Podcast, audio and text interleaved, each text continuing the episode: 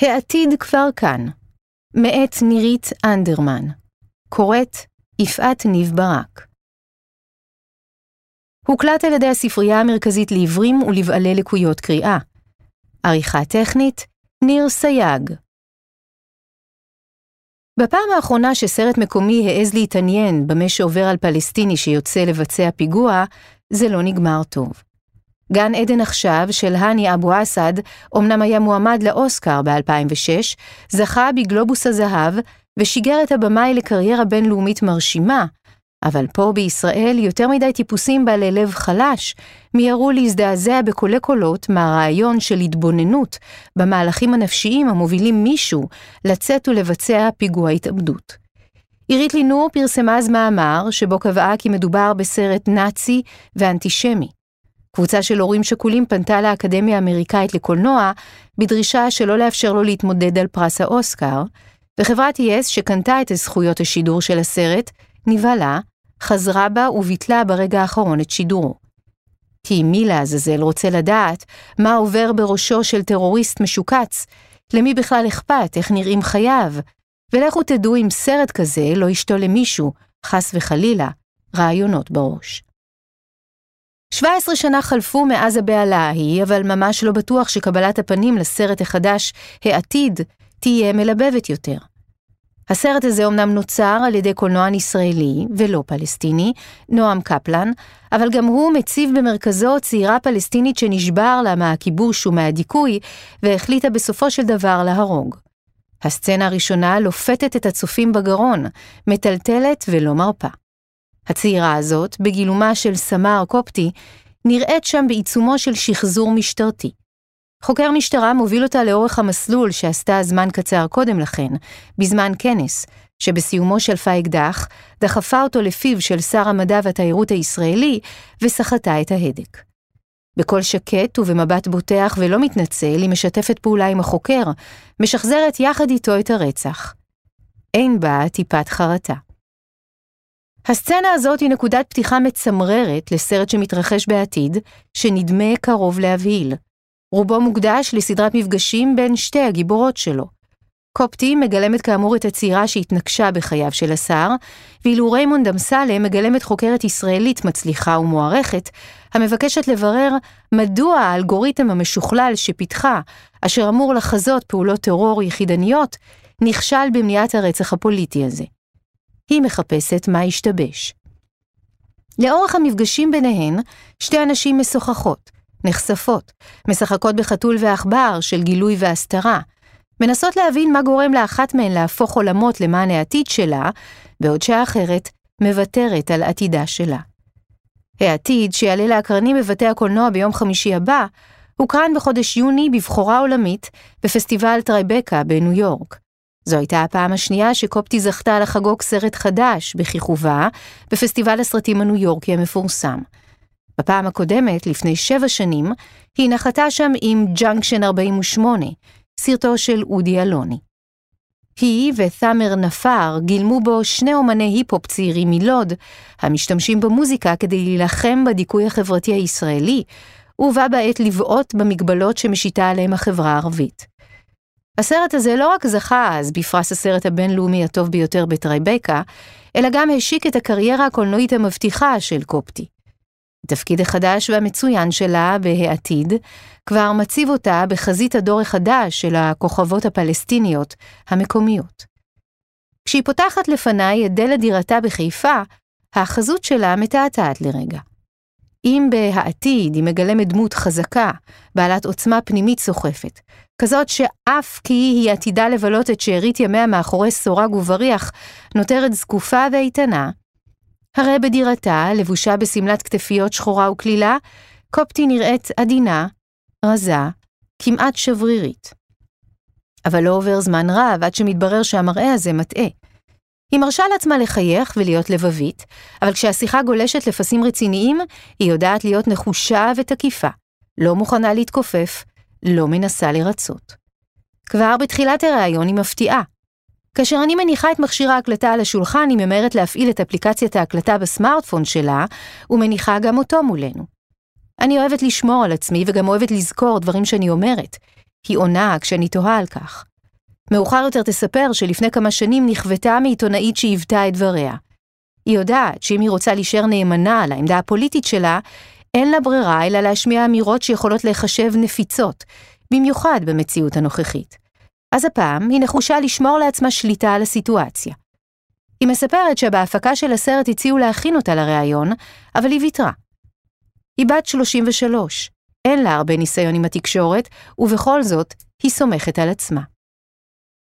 כשהיא נשאלת אם לא הייתה לה בעיה עם הסרט הזה מלכתחילה, בגלל הנטייה הישראלית להציב בסרטים ובסדרות דמויות של פלסטינים בתפקיד הקבוע של טרוריסטים ומחבלים, היא מודה שהדפוס הזה מרתיע אותה. אבל בעתיד היא הסכימה לקפוץ ראש לתוך חבית חומר הנפץ הזאת, כי זאת הפעם הראשונה שמביאים את הדמות הזאת ומספרים את הסיפור שלה, היא מבהירה.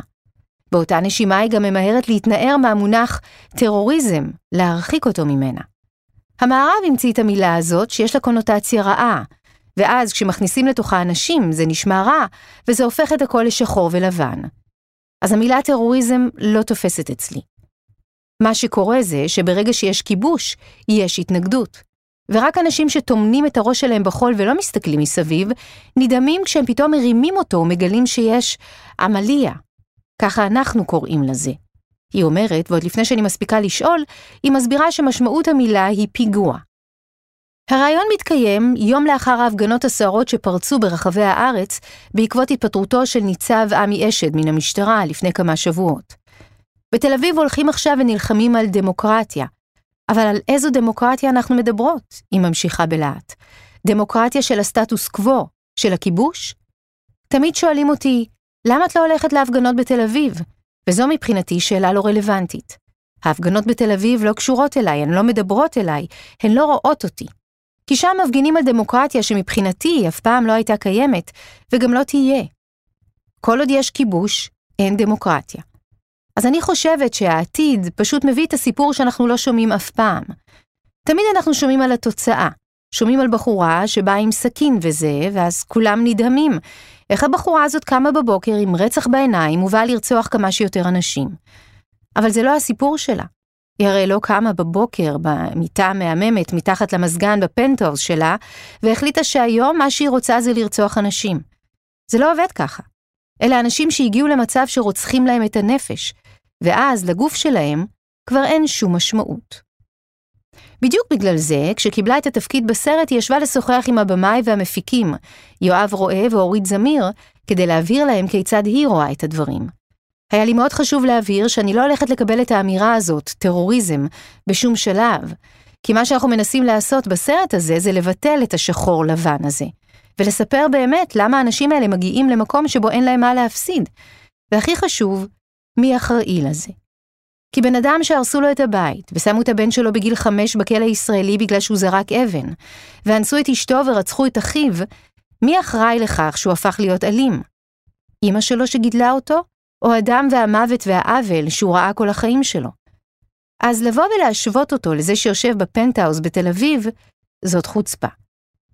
קופטי מדברת בשטף, בלהט, מסבירה ומנמקת. היא יודעת שרוב הישראלים מתבוננים על המציאות מנקודת מבט אחרת, ומתקשים או לא ממש מתאמצים לנסות להבין את הצד השני. אני חושבת שהסרט הזה מספר סיפור שאנשים לא רוצים לשמוע, כי לאנשים מאוד קל לקבל את השיפוט, זה רע, זה טוב. בטח שלהרוג בן אדם זה רע, זה אף פעם לא משהו חיובי. אבל אני תמיד אומרת לכל החברים הישראלים שלי, אני לא מחכה מכם להתנצלות אישית, מה שחשוב זה שתודו שיש פה כיבוש, ושנעשה פה עוול, ושיש יחסי כוחות שהם לא שוויוניים ואף פעם לא יהיו כאלה. כי זה צבא חזק שעומד נגד עם. וכדי לשנות את המצב, השלב הראשון זה להודות באשמה. להגיד, כן, אני חלק מהמערכת הזאת. גם אני, כשאני משלמת מיסים אני מרגישה רע, כי אני יודעת לאן הכסף הזה הולך. הוא הרי לא הולך לפיתוח הגנים בנצרת. אבל אני עושה את זה כי אין לי ברירה. ואם גם אתה חלק מזה, אז קום וקח אחריות על זה. היא נולדה וגדלה בנצרת לאם אדריכלית נוף ואב עורך דין, שנייה מבין שלושה ילדים. היא מתארת ילדות מאושרת, מספרת שכבר כילדה רתמה את כל האחים ובני הדודים להצגות שהייתה כותבת ומביימת. עד היום הם לא סולחים לי על זה כי הייתי מתעללת בהם, ממש בודקת מי הגיע ומי לא. היא צוחקת. עוד היא מציינת שהייתה ילדה בעלת חוש צדק מפותח, שתמיד יצאה להגנת ילדים אחרים. ההורים אולי קיוו שהנה גדלה להם עורכת דין בבית, אבל קופטי העדיפה לזרום דווקא עם הכישרון הדרמטי. בתום לימודיה בתיכון בנצרת, נרשמה ללימודי קולנוע וטלוויזיה באוניברסיטת תל אביב. הייתי הערבייה היחידה בכל הפקולטה לאומנויות, ראשונה אחרי שש שנים, שבהן לא היה שם אף סטודנט ערבי. עכשיו יש מלא, אבל בתקופה ההיא לא היה אף אחד. כלום, היא אומרת. היא הגיעה לתל אביב לבד, חיפשה בנרות חברים שתוכל לדבר איתם ערבית בערבים, אחרי הלימודים, ועלתה על מסלול התפכחות מהיר בכל הנוגע לתענוג המפוקפק של להיות ערבייה בתל אביב. היא חטפה מבטים כשדיברה ערבית ברחוב, ספגה הערות סמי-גזעניות ממרצה באוניברסיטה, עברה תלאות כשחיפשה דירה להשכרה ואפילו חטפה פעם יריקה ברחוב. הייתי כל כך תמימה. ידעתי את הנרטיב הפוליטי, אבל לא הבנתי מה זה אומר במציאות, היא מציינת. לאט לאט התחלתי להבין מה זה אומר להיות תחת דיכוי. מצד שני, היא נהנתה מהלימודים, מלעשות סרטים, מהעצמאות הפתאומית שנחתה עליה, מכל החופש הזה. ובשם החלום להיות שחקנית, קפצה על כל הזדמנות שנקרתה בדרכה. שיחקה בסרטים של סטודנטים אחרים, הסכימה להיות ניצבת בסדרות וסרטים, ולהופיע בתפקידים קטנטנים כדי להשתפשף. איפה שהיו צריכים, הייתי הולכת עם אווירה. אבל על התפקיד הראשי בג'אנקשן 48, היא הסתערה בלי שמישהו היה מוכן לזה.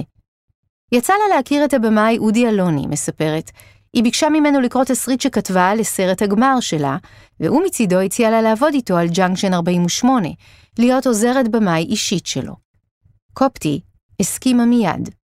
אבל כשקראה את התסריט הבינה שהיא חייבת לשחק בסרט הזה ובתפקיד הראשי. גיבורת הסרט, מנאר, היא צעירה פלסטינית עצמאית וחזקה, אחת שמורדת בכל תבנית שמישהו מנסה להלביש עליה, ולא מוכנה להתכופף לפני אף אחד. היא מתחילה לעשות היפ-הופ יחד עם אהובה, תאמר נפאר, ומשתמשת במוזיקה כדי להילחם בדיכוי הישראלי והערבי גם יחד. קופטי החליטה שהתפקיד הזה נולד בשבילה, שאף אחת לא תעשה אותו טוב ממנה. כל שנשאר לה היה לשכנע את אלוני לתת לה אותו. אמרתי לו, אודי, אני רוצה לעשות את התפקיד הזה. הוא לא הבין על מה אני מדברת, ואיזה אומץ, ואיזו חוצפה. הוא אמר לי, מה זאת אומרת? את לא שחקנית ואת לא זמרת. אבל קופטי התעקשה. אמרתי לו, אודי, זה התפקיד שלי, זו אני. אולי לא אחד לאחד, אבל בגדול זו אני, זה הסיפור שלי. התחושה הזאת שיורים עלייך מכל הכיוונים, שקוצצים לך את הכנפיים כל הזמן, ואת מחפשת את החופש שלך, ומוכנה לקחת סיכונים ורוצה להישמע. אני חושבת שבגלל זה בכלל באתי לתחום הזה. כי רציתי שישמעו אותי. רציתי לקבל לגיטימציה לחלומות שלי, לזה שאני רוצה להיות חופשייה ואחרת. לחלום בגדול, ושלא ישימו לי כל הזמן מעצורים. אלוני היסס, נרתע, הזמין אותי לאודישן, ובמשך חודשים ארוכים המשיך לעשות אודישנים לשחקניות מנוסות. אבל לבסוף הוא נכנע והודיע לקופטי שהתפקיד שלה. הוא אמנם הבהיר שמכיוון שאינה זמרת, בכוונתו לתת למישהי אחרת לשיר את השירים שהדמות שלה, עמל, אמורה לבצע בסרט, אבל גם על זה היא סירבה לוותר. היא הלכה ללמוד פיתוח קול, הקליטה באולפן את אחד השירים מהסרט, ושלחה לאלוני את ההקלטה. הוא שוב נאלץ להיכנע. בסופו של דבר קופטי ביצעה בעצמה את כל קטעי השירה בסרט. אלוני מספר שבזמנו לא היה לה כמעט ניסיון והיא נתנה את הנשמה, הפגינה מסירות מדהימה. היא בדיוק עבדה אז על סרט קצר שלה שהיה מאוד פמיניסטי, וזה עזר לנו בג'אנקשן כי זה סרט על מעמד האישה, וסמר מגלמת בו דמות שמתחילה כבחורה יפה ליד הראפר, ולאט לאט הופכת להיות הסובייקט שמוביל את הסרט. אז היא הייתה שותפה רגשית לתהליך הזה של הסרט ועזרה מאוד לבנייה שלו. תאמר נאפר ואני, שנינו טיפוסים סופר פוליטיים, אבל אני חושב שלשחקנית פלסטינית זה הרבה יותר קשה. שחקנית פלסטינית שחיה בסביבה יהודית ציונית, כמה תפקידים כבר פתוחים לפניה. ומתוכם היא צריכה לחשוב גם איזה היא מוכנה לקחת ואיזה לא. אז במובן הזה היא נמצאת בעמדה כמעט בלתי אפשרית. אני מאוד מכבד אותה על זה. גם בהשגת התפקיד ב"העתיד" נקרא הנחישות של קופטי. במאי הסרט, נועם קפלן, מספר שהיא באה לאודישן אחרי איזו תאונה, הגיעה פצועה, צולעת על קביים. ראו עליה שהיא נלחמת לעשות את האודישן הזה. כשהסתכלתי על האישה הצעירה הזאת שרוצה להוכיח את עצמה, אמרתי לעצמי, זאת רוצחת. במובן המטאפורי כמובן. יש לה את האמביציה, התשוקה, הרצינות, וכל זה עוד לפני הכישרון. היא הייתה הכי טובה בפער. הוא מוסיף שסמר הייתה מאוד אמיצה בסרט הזה. היא לקחה תפקיד שהוא כביכול קלישאה. שוב הרוצחת הפלסטינית, המחבלת, והצליחה להכניס לתוכו משהו משלה. היא מאוד מוכשרת, ואני חושב שעד היום היא לא קיבלה מספיק תפקידים טובים. היא צריכה לשחק בחו"ל. ישראל קטנה עליה. הדמות שגילמה קופטי בג'אנקשן 48, כמו גיבורות הסרט הישראלי-פלסטיני לא פה לא שם, שביימה מייסלון חמוד, וגם בו שיחקה קופטי בתפקיד קטן, היא צעירה פלסטינית שרחוקה מאוד מהדימוי הסטריאוטיפי שרואים בדרך כלל בתקשורת. בשני הסרטים האלה נראו פתאום על המסך הגדול, לראשונה, נשים צעירות וחזקות שלא דופקות חשבון, שנלחמות על החופש ועל העצמאות שלהן. לדברי קופטי, מה שחדש הוא הייצוג, זה שמייצגים את הדור הזה. הקיום של זה לא חדש. אם אנשים ירימו קצת את הראש שלהם, לא קשה לראות את זה. רק צריך לצאת קצת מהבועה, לא רק לקנות את החומוס, אלא גם לראות את זאת שמוכרת אותו. הישראלים, גם כשהם מנסים להתערבב עם החברה הערבית, הם עושים את זה ממקום מאוד סטריאוטיפי ושטחי. אין ניסיון להכיר את החברה הערבית. אני גרתי ברמת אביב חמש-שש שנים ואף פעם, אף אחד לא התעניין לדעת באמת מי אני. תמיד היו מסתכלים עליי. אה, את שונה, בטח את נוצרייה. כל המילים הגזעניות והסטריאוטיפיות האלה. תמיד הייתי אומרת, אני לא מיוחדת, לכו לנצרת ותראו שככה אנשים נראות. זה שיש לכם בראש את הבלוק הזה, אתם אלה שצריכים לשחרר אותו, זה לא התפקיד שלי. למה לדעתך הייצוגים האלה מגיעים אל המסך דווקא בשנים האחרונות? אני חושבת שלנו, לפלסטינים שעובדים בתעשייה, יש עכשיו קצת יותר אמצעים להביא את הנרטיב שלנו, ולא בהכרח תחת מסגרת ישראלית. כי סרט במימון ישראלי ייצג לרוב את נקודת המבט הישראלית ויהיה סטריאוטיפי ופטרוני. אז למרות שאין תעשייה פלסטינית, אין סרטים פלסטינים, אנחנו קצת יותר פתוחים עכשיו לעולם, ואפשר לקבל מימון ממדינות אחרות. וגם יש יותר אומנים. את כבר כותבת סדרה או סרט משלך? גם וגם. סדרה שהיא קו-פרודוקציה עם חו"ל וסרט שאני כותבת עכשיו. היא מסרבת לחשוף במה יעסקו הסרט והסדרה שלה, אבל מבהירה שתמיד תכתוב דברים שיעסקו בנשים, ושהגיבורות שלה תמיד יהיו נשים.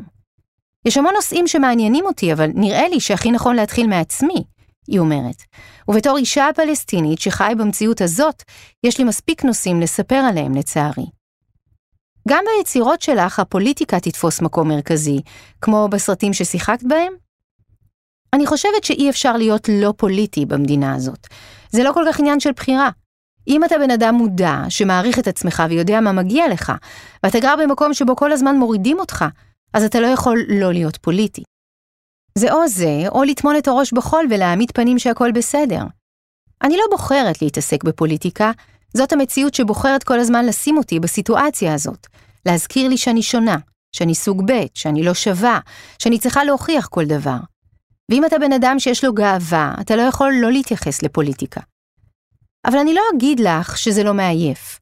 לפעמים בא לי פשוט להיות סמר השחקנית והבמאית וזהו. נקודה. אפילו לא האישה. כלום, פשוט אומנית. ופה אין לי את האופציה להיות ככה. אז אני חווה את זה לפעמים כשאני בחו"ל, אבל גם שם הרבה פעמים אני מוצאת את עצמי מייצגת משהו. הייצוג הזה קשה ומעייף, אבל גם חשוב. ומכיוון שאני עושה אומנות ומאמינה בכוח שלה, אז ברגע שיש לי את האופציה לדבר בשם עצמי ובשם העם שלי, ולהראות את הנרטיב שלי ואת הכאב שלי, אני עושה את זה. מצד אחד יש לי זכות ופריבילגיה להגיד את הדברים האלה ולהיות במקום שיקשיבו לי, או שלא יקשיבו לי. ומצד שני, לפעמים זה כבד מדי. כבד באיזה מובן? במובן שלכל החלטה הכי קטנה שאני עושה ביומיום שלי, יש השלכות. בכל הצעה שאני אקבל אני בודקת מי עושה מה ומי מממן, והאם מבחינה אידיאולוגית זה מתאים לי. גם אם זאת סתם הצעה לפרסומת. אם זה למוצר שעושים בהתנחלות אז אני לא אעשה אותה. אם אתה בן אדם עקרוני, אתה כל הזמן עושה שיקולים שלא בהכרח קשורים לקריירה שלך, אלא קשורים למצפון שלך. השיקול העיקרי שלי זה להצליח לישון במיטה בלילה במצפון שקט. כל השאר לא מעניין אותי. עשיתי טעויות בדרך וזה בסדר, אני מקבלת אותן וגם מבינה למה עשיתי אותן. איזו טעות למשל? לא משנה. הדירה שלה שטופת אור, המטבח נושק למרפסת גג רחבה, שטופת שמש, ובסלון מאחורי הספה שעליה היא יושבת, מתוח חלון רחב שממנו נשקף הנוף היפה של מפרץ חיפה.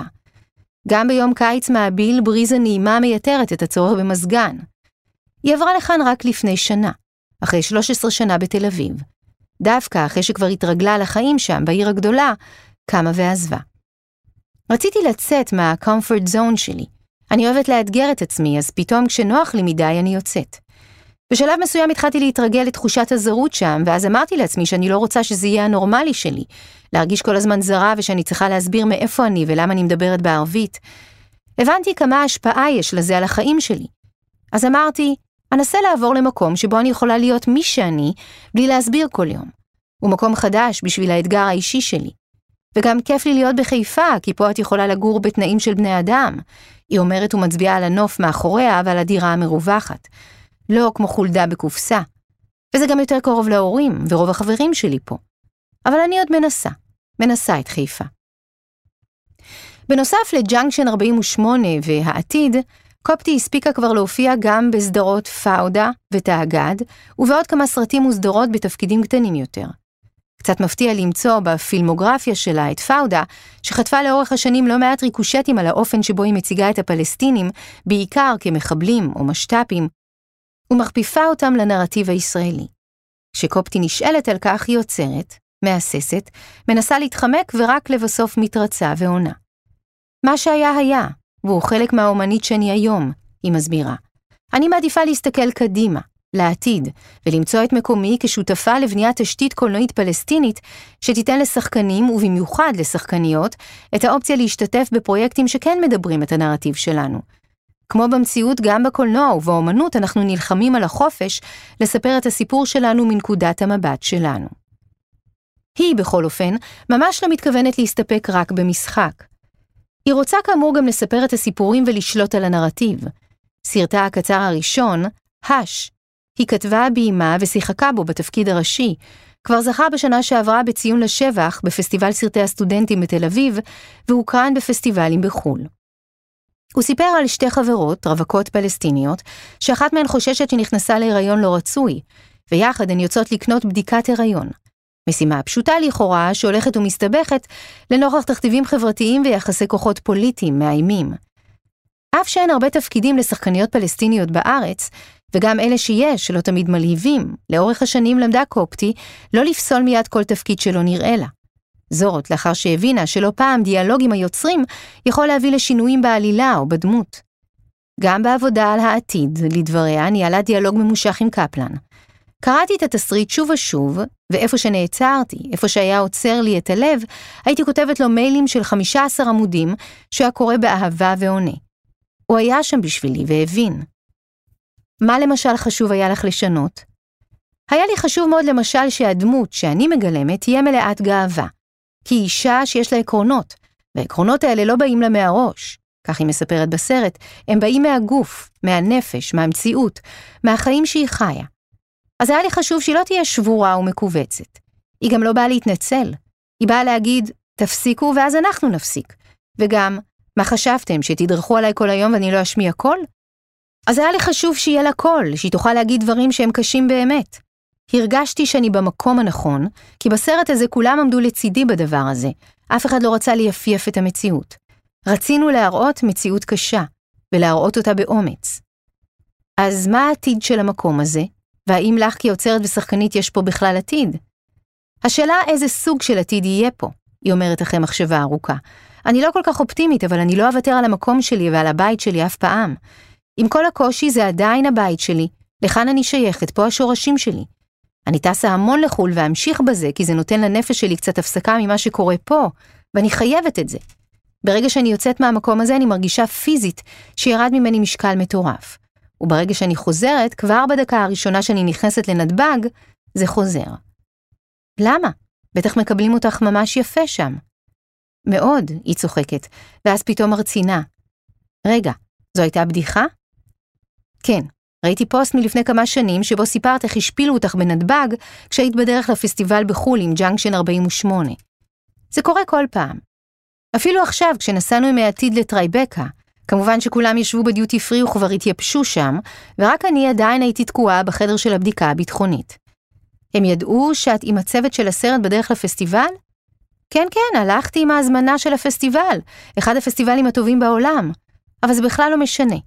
אז לשאלתך, אני לא יודעת איזה עתיד יהיה לנו פה. אני כן מאמינה שאנחנו דור יותר חזק.